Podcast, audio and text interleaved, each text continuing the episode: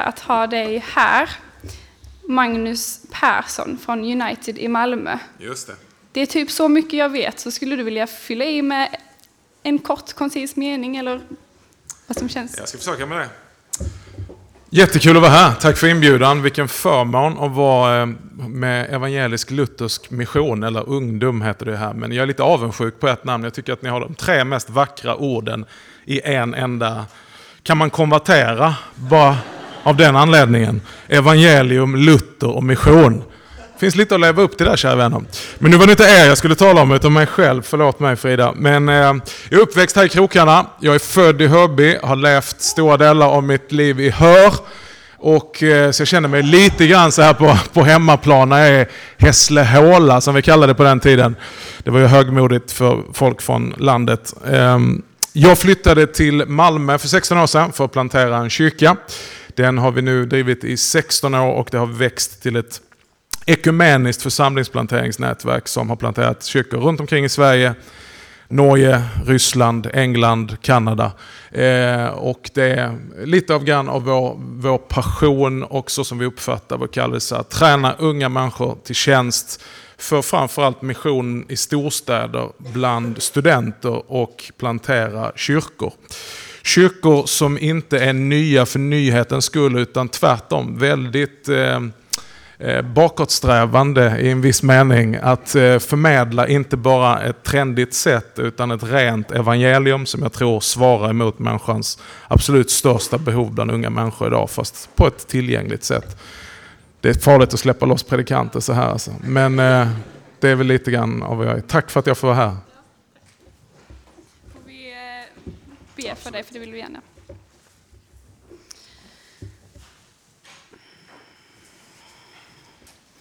Ja, tack Herre för att eh, Magnus Persson hade möjlighet att komma hit idag till oss här.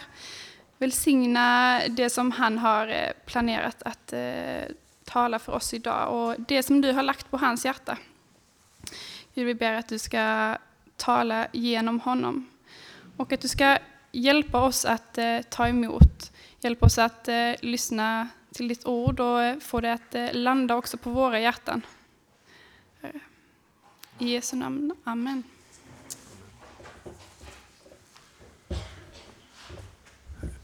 Temat för den här dagen eh, var Kom till mig. Och utifrån det temat så skulle jag vilja bara delge dig en förkunnelse. Där vi ska titta på fyra stycken frågor ifrån Gud som vi ska låta sjunka in lite grann. Kanske ta med oss under resten av dagen. Och det är inte frågor från mig eller frågor från någon annan utan det är frågor från Gud själv fyra stycken frågor som Gud ställer, inte bara en människa, utan hela mänskligheten tidlöst genom hela historien. Men det är farligt att stanna upp vid de frågorna, utan vi måste stanna upp också vid ett löfte. Så fyra stycken frågor och vid ett löfte. Och det hör ju till när man är i de här sammanhangen att faktiskt nämna då att den här veckan så har vi haft jubileum och minneshållt eh, en stor högtid av er stora superhjälte, Karl Olof Rosenius. Och låt mig nu tala till er unga BV eller Elmar eller vad ni kallar er, att ni har ett jätte, nu är jag helt seriös, ni har ett jättestort ansvar. Att förvalta det arvet och förvalta den undervisningen. Jag fick en Karl Olof Rosenius bok för första gången i hela mitt liv i mina händer för sex år sedan. Det förvandlade mitt liv. Jag vill inte på något sätt likställa den med Guds ord. Eh, men eh, på det sättet som Karl Olof Rosenius la ut skriften, det var ett helt nytt sätt för mig att ta till mig både lag och evangelium. Och jag kommer ihåg då jag återvänder till den där boken och faktum är att eh, lite grann skelettet av det jag kommer till säga måste jag pay credit till Karl Olof Rosenius.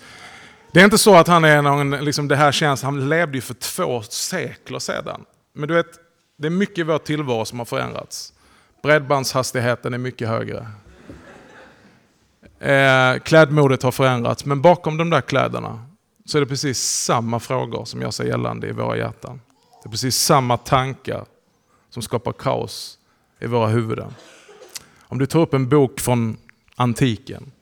Om du sen tar upp en bok från medeltiden. Eller om du tittar på ett avsnitt av Homeland eller Downtown Abbey. Så är det precis samma frågor. Det känns som ett väldigt otroligt slitet tema för mänskligheten. Och det är just frågan om skuld och förlåtelse, mening, relationer och kanske vår oförmåga att få relationer att fungera som ofta leder till ensamhet.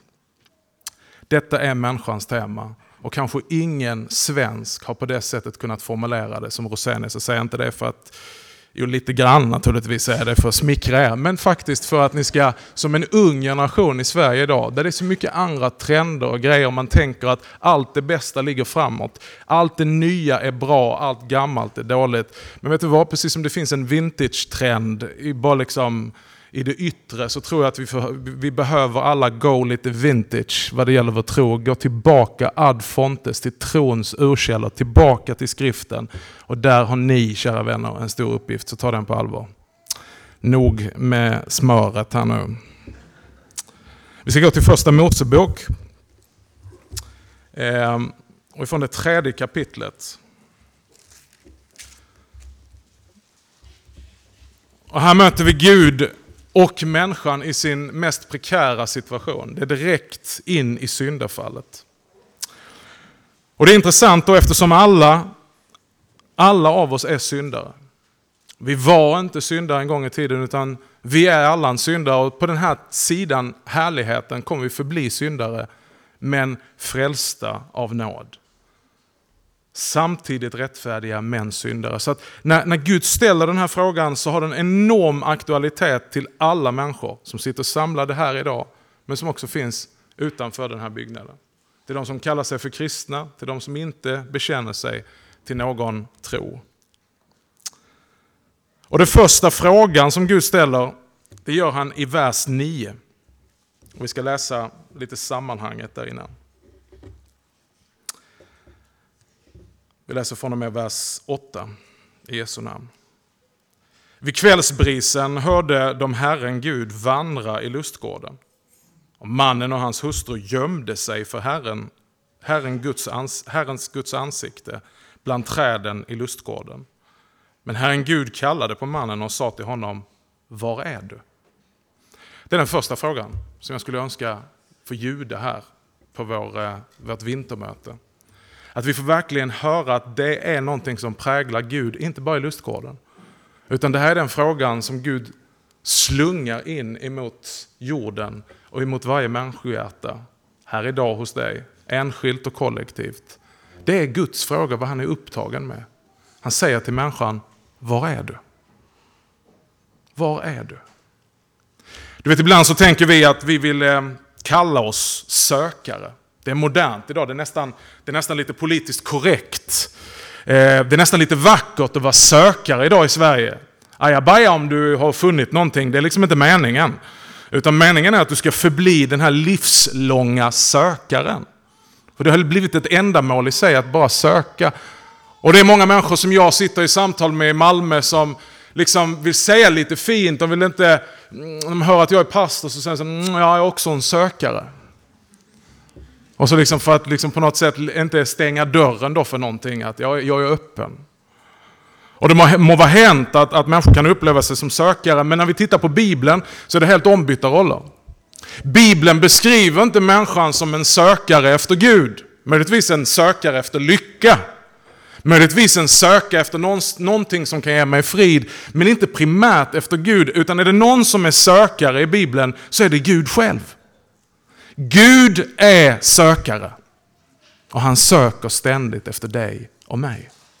Snarare så måste vi identifiera oss i den rollen att vi är konstant på glid bort ifrån Gud. Kan vi säga det direkt så vi blir av med det så att inte du behöver sitta här och hålla upp någon falsk fasad. Kan vi bara komma ut ur garderoben och säga Hjälp mig, jag är jämt på, på glid iväg från Gud. Det är intressant med gamla testamentet Kanske du ibland har känt dig att det, du, du, du har lite problem med att det finns där. För alla andra hädna religioner, de ägnar enorm tid på att framställa sina hjältar, sina gudsmän eller sina gudar i fullständig obefläckad strålglans. Och så kommer vi då till denna judiska skrift Gamla testamentet som verkar ta med skildring efter skildring och det ena blir bara värre än det andra. Trons hjältar är fyllda av brister. Guds folk är jämt på väg bort ifrån Gud. Vad är det för fel med oss, käre någon? Och du, du vet, det är väldigt trösterikt. Det här är med stor omsorg av den heliga ande organiserat så. Inte som ett misstag, inte som någonting vi ska diskutera, utan någonting som vi behöver ta till oss och säga Wow, den här boken handlar ju inte bara om Israel, och om David och om alla andra som liksom lyckas ställa till det trots det här handlar ju om mig. Det här är ju en spegel där jag säger att sån här är ju människan.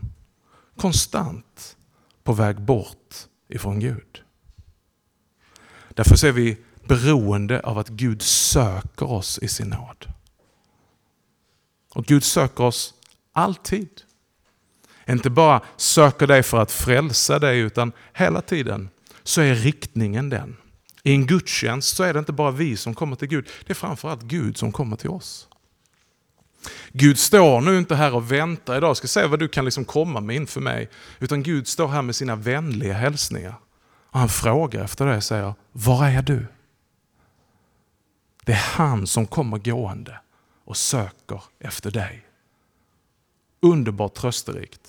Men också ransakande att ta till sig den här frågan och säga, varför är du och jag, eller jag i alla fall, jag ska inte svara för dig. Varför är det så att du och jag, nej nu sa jag det igen, varför är det så att jag är lite som Adam och Eva? Att när vi hör att Gud är färdig, så skulle man kunna tänka sig så att det mest naturliga är så här, här kommer Gud. Ja, men då, skulle man, då skulle man ju springa honom till mötes. Eller hur? Men de gömmer sig. Och Det finns ju en anledning till att de gömmer sig. Jag kommer aldrig till att glömma. Jag var ungdomspastor för många år sedan. Och eh, vi körde hårt med ett gäng ungdomar. Vi träffades tidigt på morgonen. Jag berättade hur viktigt det var att ha disciplin och gå upp och ha andakt. Och så var det min tur att ha det hemma i vår lägenhet. Den här dagen så skulle två stycken ungdomspastorer från två andra kyrkor följa med. Och jag var den som skulle fixa frukost och vi skulle ha andakt så vaknar jag i min säng av att det är någon som bankar på min ytterdörr där nere. De ringer på och jag blir svettig med en gång. Mer än vad jag redan var i mitt nyvakna, yrvakna tillstånd. Och jag inser att jag har försovit mig. Nu står de där nere. Vilken skam! Och du vet istället för på något sätt det mest naturliga är bara liksom gå upp, dra på dig någonting och säga sorry, jag har försovit mig. Så var skammen så stor så att jag låg kvar jättelänge i sängen först och bara tänkte, hur ska vi hantera det här? Alltså tanken som den slog mig liksom aldrig så här att jag kan erkänna att jag har försovit mig. Det, det, det fanns inte med som alternativen, utan alternativen var snarare eh, andra saker. Ett av alternativen var att inte gå och öppna. Att bara låta dem stå där var är du Magnus?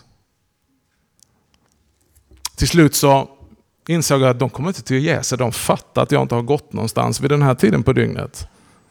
Så att jag måste liksom på något vis försöka maskera min tillkortakommande här. Så jag ser mina träningskläder. Tänkte, de får man på sig snabbt. Och då kan man ju bara säga att nej ursäkta, jag har, varit, jag har tränat. När håret står åt alla håll. Det är ungefär som när man ringer dig tidigt på en lördag morgon. Och så säger de som ringer, ursäkta, väckte jag dig? Det är aldrig en människa som har svarat ja på den frågan, utan alla bara säger nej, nej, nej, ingen fara. Klart jag är uppe på lördag morgon klockan fyra. Det är väl alla människor? Vad är det för något konstigt i oss? Varför kan vi inte bara säga så, ja, ja, ja, faktiskt, du väckte mig. Det kan säkert ni.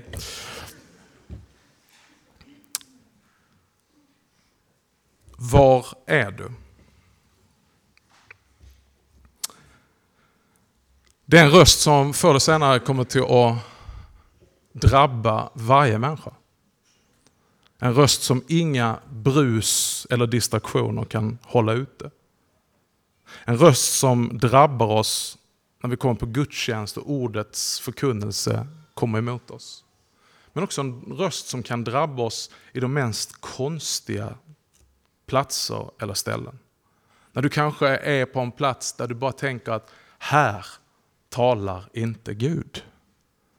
Jag är nu så långt borta ifrån Guds räckvidd jag bara kan komma.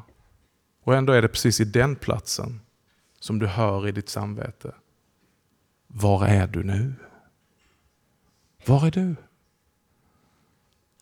Varje människa som inte känner evangelium borde frukta och gömma sig precis som Adam och Eva. När man hör Gud är färdig, kommer emot en och frågar, var är du? För det kan bara betyda en sak om man inte har hört evangelium. Att det är dum och vrede som väntar. Att när Gud kommer efter oss och säger, var är du? Så tänker man, nu är det kört. Nu är han ute efter mig. Därför är det en naturlig reaktion för den som enbart har hört Guds lag. Men för den som har hört evangelium om hur Gud har visat sin oerhörda kärlek till oss genom att sända Kristus för att i vårt ställe ta Guds dum över vårt bortvändhet och på det viset föra oss tillbaka till Gud och försona oss med honom av nåd. Enbart nåd.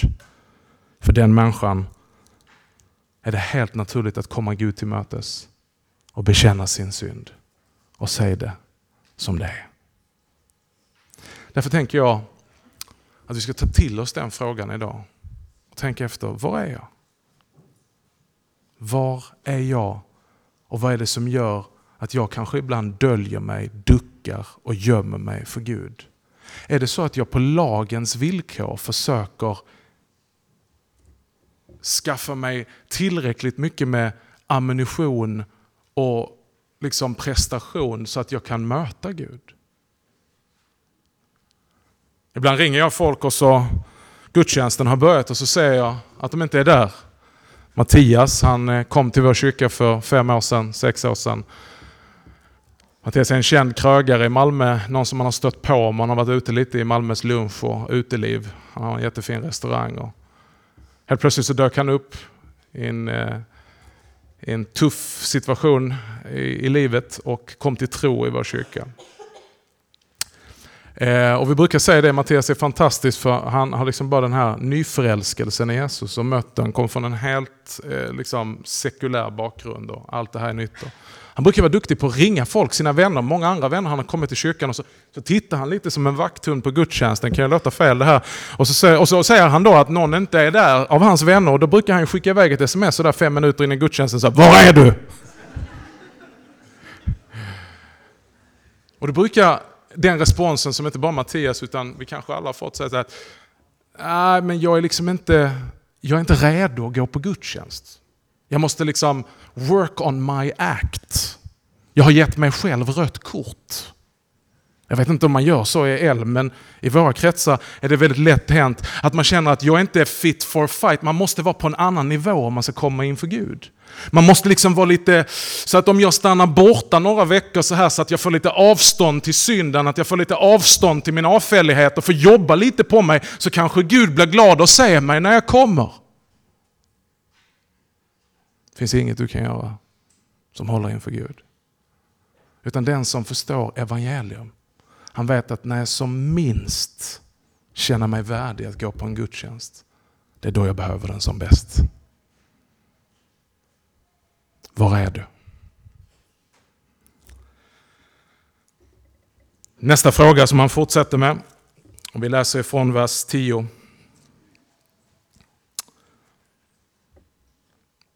Nu är det Adam som svarar. Jag hörde ljudet av dig i lustgården och blev förskräckt eftersom jag är naken. Därför gömde jag mig. Då sa han, vem har berättat för dig att du är naken? Har du ätit av det träd som jag förbjöd dig att äta av? Om vi sammanfattar detta så är nästa fråga som vi ska tänka på, vem lyssnar du på? Eller vad lyssnar du på? Vi vet att Bibeln säger att tro kommer av att höra. Specifikt är det syftade på evangeliets förmåga att i våra hjärtan skänka tro.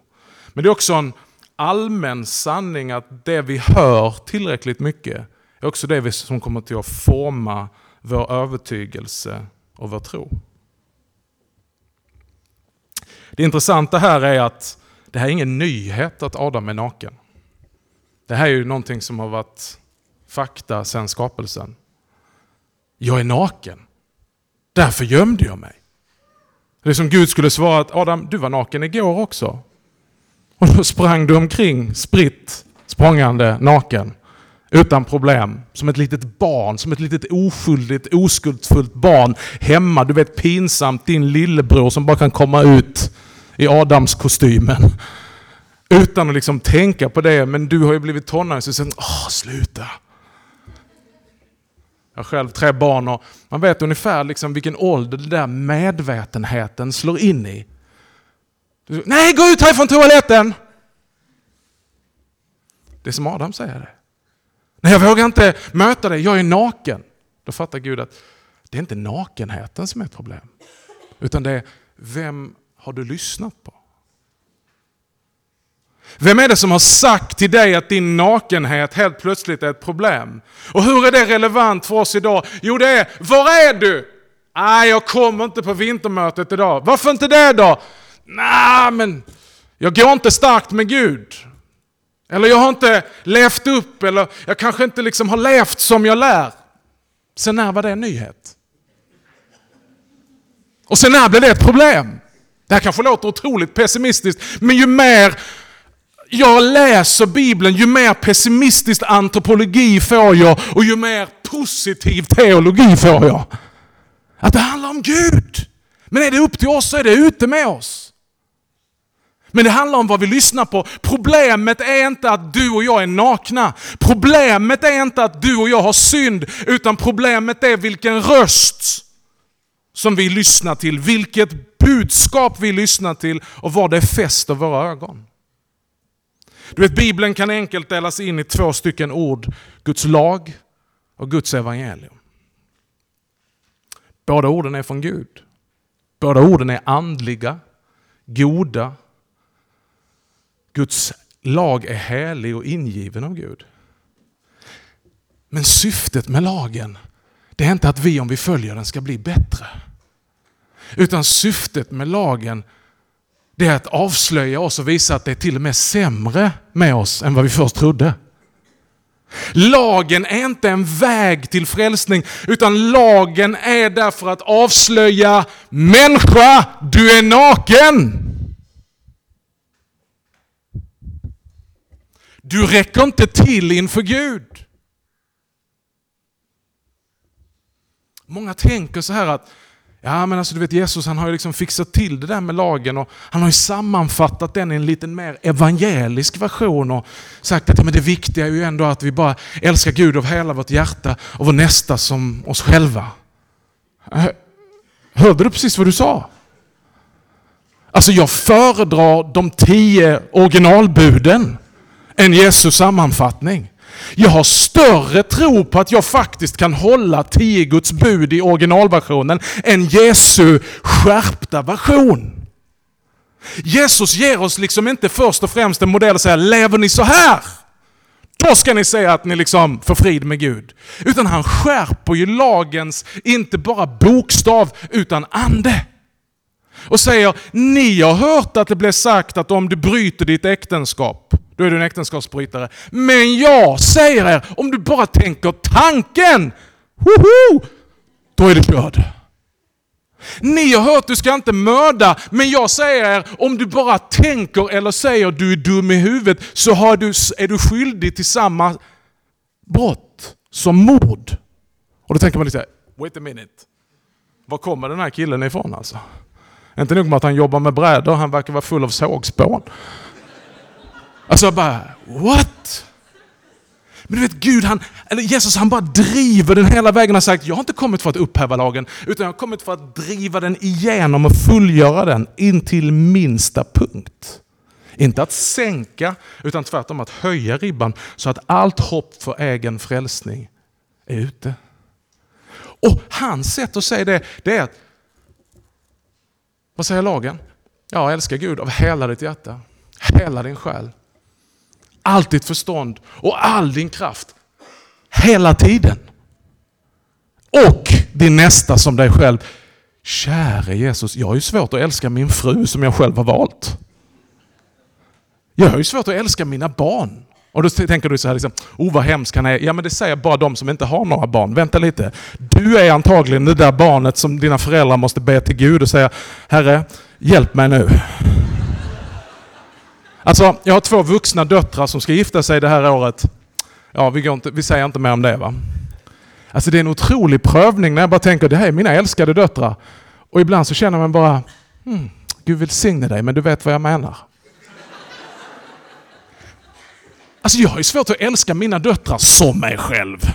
Alltså det finns en del av det budet som jag hyfsat lyckas bra med. Älska mig själv. Men inte ens det funkar ju ibland. Allt det här blev vi medvetna om när vi hör lagens bud. Det är därför vi gömmer oss. Därför säger vi till Gud, Gud jag kom inte när du kallade. Varför kom du inte? Nej, för att jag är inte i skick. Hur vet du det? Vad har du lyssnat till? Jag har lyssnat till Guds lag. Den människa som bara får presenterat för sig lagen utan evangelium, den människan är bara under förskräckelse och fördömelse. Med rätta. Och kommer till komma till en punkt att man säger till Paulus, vad är det för fel? Man säger som Paulus, vad är det för fel på mig? Det jag vill, det gör jag inte. Och det jag inte vill, det gör jag inte. Satt med en annan teolog och vi diskuterade om detta verkligen är en beskrivning av det kristna livet eller om det är en beskrivning av Paulus som jude. Och jag sa så, ja, antingen kan vi gå den djupa vägen och det är intressant att bara vända och vrida på det. Eller så kan vi bara säga som så här, det är januari och vi alla vill börja banta och träna. Det har vi alla bestämt oss. Men ändå finner vi oss efter tre veckor säga, det jag vill, det gör jag inte. Och så med handen i choklad liksom påsen istället. Och det jag inte vill, det gör jag. Det räcker liksom för mig. För att beskriva att detta är människans predikament. Detta är vår situation, att allt det vi sätter oss för att leva rätt och uppfylla Guds väg, ju mer vi försöker, ju mer kommer vi till inse att vi kommer till korta. Och då är vi utan hopp och då gömmer vi oss från Gud. Då är vi på väg bort ifrån Gud, men då kommer Gud efter oss. Och han jagar oss inte för att döma oss, utan han kommer efter oss för att ge oss vänliga hälsningar om hans son Jesus Kristus. Som tog din plats och i ditt ställe uppfyllde den lag som ingen av oss har eller kan uppfylla. Så att hans rättfärdighet inför Gud kommer av nåd tillräknas oss av tro. Och all vår synd och all vår skuld och all vår nakenhet, den tillräknades honom. Så att straffet blev lagt på honom, men att vi skulle få ha frid. Hela vårt hopp vilar inte subjektivt på oss själva, utan objektivt på en annan. Jesus Kristus. Det här får... Kan jag få fem minuter till? Gud fortsätter med frågorna. Och nu går vi en generation framåt till nästa kapitel, Kain. Det här är syndens konsekvens, för det här handlar inte bara om mig själv, utan det här, och liksom en, bara en väldigt andlig verklighet. Utan det här är någonting, evangelium, det är inte någonting som du blir färdig med i konfirmationen och sen tänker vi nu ska vi gå vidare med de djupare grejerna. Utan det här är vardags, någonting som vi behöver återvända till. Och vi tittar på kapitel 4, vers 6 och Herren sa till Kain, varför är du så vred och varför är din blick så mörk? Är det inte så att om du gör det som är gott så ser du frimodigt upp, men om du inte gör det som är gott så lurar synden vid dörren? Den har begär till dig. Den tredje frågan, det är varför är din blick så mörk? Eller kanske för några av er, varför är du så frustrerad? Varför är du så förbannad? Varför är du så arg? Det här är syndens konsekvens. Det här blir också livet under lagen. Livet under lagen är bara ett enda stort kämpande. Men inte bara lagen med stort L som är Guds lag, utan alla de här lagarna med litet L som vår värld är full av. För lagen är långt ifrån någonting som vi bara möter i Bibeln, utan den har du mött hela den här veckan på Facebook och i skolan och genom media. Så här kommer du i form till Beach 2016. Så här blir du frisk, framgångsrik, sexig och vacker. Har du, har du hört de här uttrycken någon gång? Det kvittar att den kommer, det, det kvittar hur det liksom uttrycks, men på något sätt så bara lever vi i en värld där det handlar om att lyckas i förhållande till våra medmänniskor. Otroligt mycket jämförelse, precis som situationen är här med Kain och Abel. Kain jämför sig nu med Abel. Abel som har blivit välsignad av Gud för sin insats. Men Karins offer har inte Gud godtagit. Istället då för att omvända sig och rannsaka sig själv så är det naturligtvis det Abel som är problemet. Vi säger ju att detta är vad synden gör direkt när, vi nämnde inte det, men när Gud kommer till Adam och säger vad har du gjort? Så säger han, det var inte jag, det var kvinnan. Som du gav mig. Alltså indirekt är det ditt problem det här Gud som har hänt. För hade inte jag fått kvinnan så kanske aldrig detta hade hänt och det hade varit ett riktigt paradis. Så kommer Gud till Eva och säger så här, Tog du av frukten? Nej, inte jag. Oh, Ormen som du har skapat.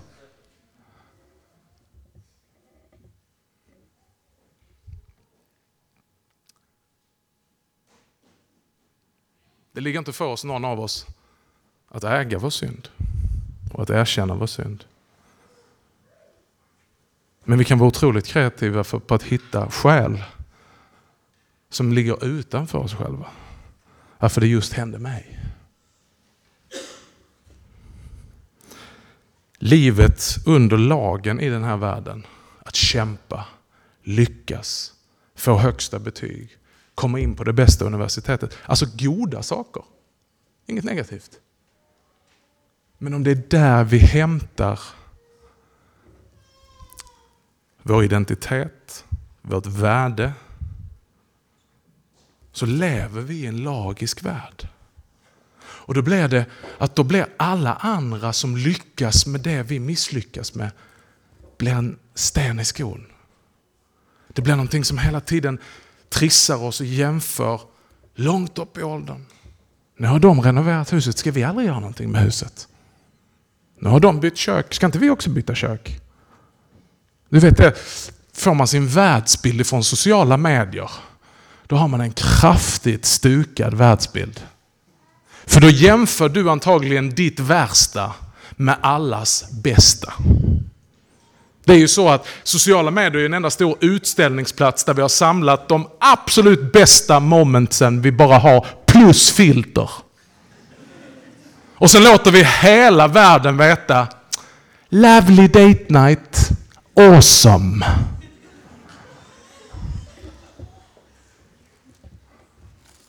Och hemma sitter du liksom. Du har ingen att gå på date night med. Utan du sitter där all by myself.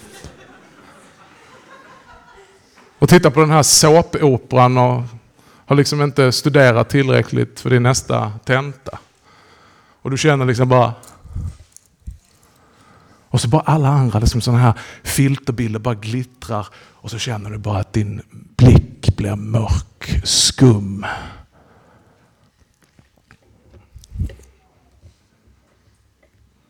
I lagens värld så blir varje annans människas framgång och glädje, allt runt omkring oss blir bara ett hot som lyser på vad vi fattas. Eftersom vi inte har vår värdighet, vår identitet och vår glädje i evangelium om Jesus Kristus. Utan bara i det vi kan lyckas åstadkomma. Och det som också det smyger rakt in i kyrkan. Rakt in i kyrkan så har jag själv suttit där med den där mörka blicken och den där frustrationen över de där andra. Varför, varför tror han att han är så andlig? Gud, varför använder du den där personen så mycket? Jag kan nog hitta fel på honom om du ger mig lite tid. Det är precis som Gud säger, vänta lite. Varför är din blick så mörk, Magnus? Jo, för att du har inte fäst dina ögon på Jesus. Du hämtar inte och blir mättad av den blicken av att Jesus Kristus utgiven för dig. Utan din blick är på din egen nakenhet, din egen prestation och jämför dig med andra. Och då kommer vi till sista frågan. Förlåt att jag har dragit ut lite på tiden. Den sista frågan som Gud ställer här och till Karin det är Var är din bror? Den människa som kämpar för att bli någonting inför Gud, fila på sin akt, kämpa för att räcka till och bli någonting som håller inför Guds dom. Ja, för den människan så då har man inte tid med andra. Man är ju själv, helt självupptagen. Och det var både Augustinus och sedan Luther säger att synden gör oss inkrökta i oss själva.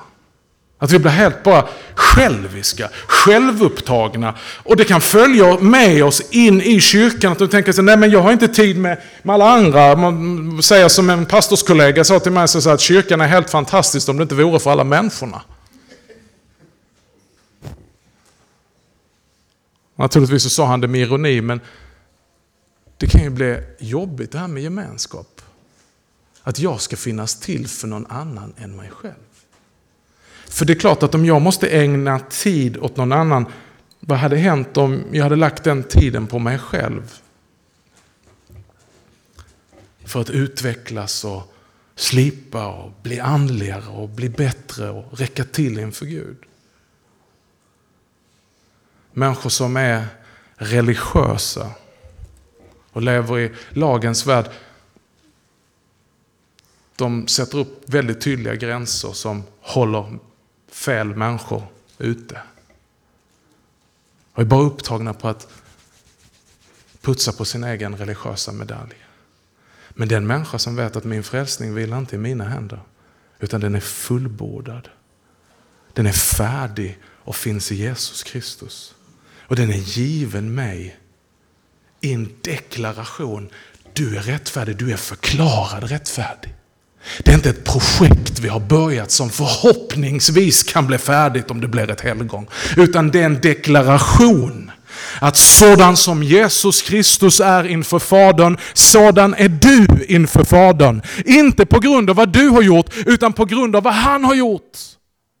Och det är det som är skillnaden mellan lagets bud och evangeliets löfte. Lagens bud kan komma och säga What would Jesus do? Och direkt alltså skruvade och handlar om att nu ska du alltså göra någonting för Gud.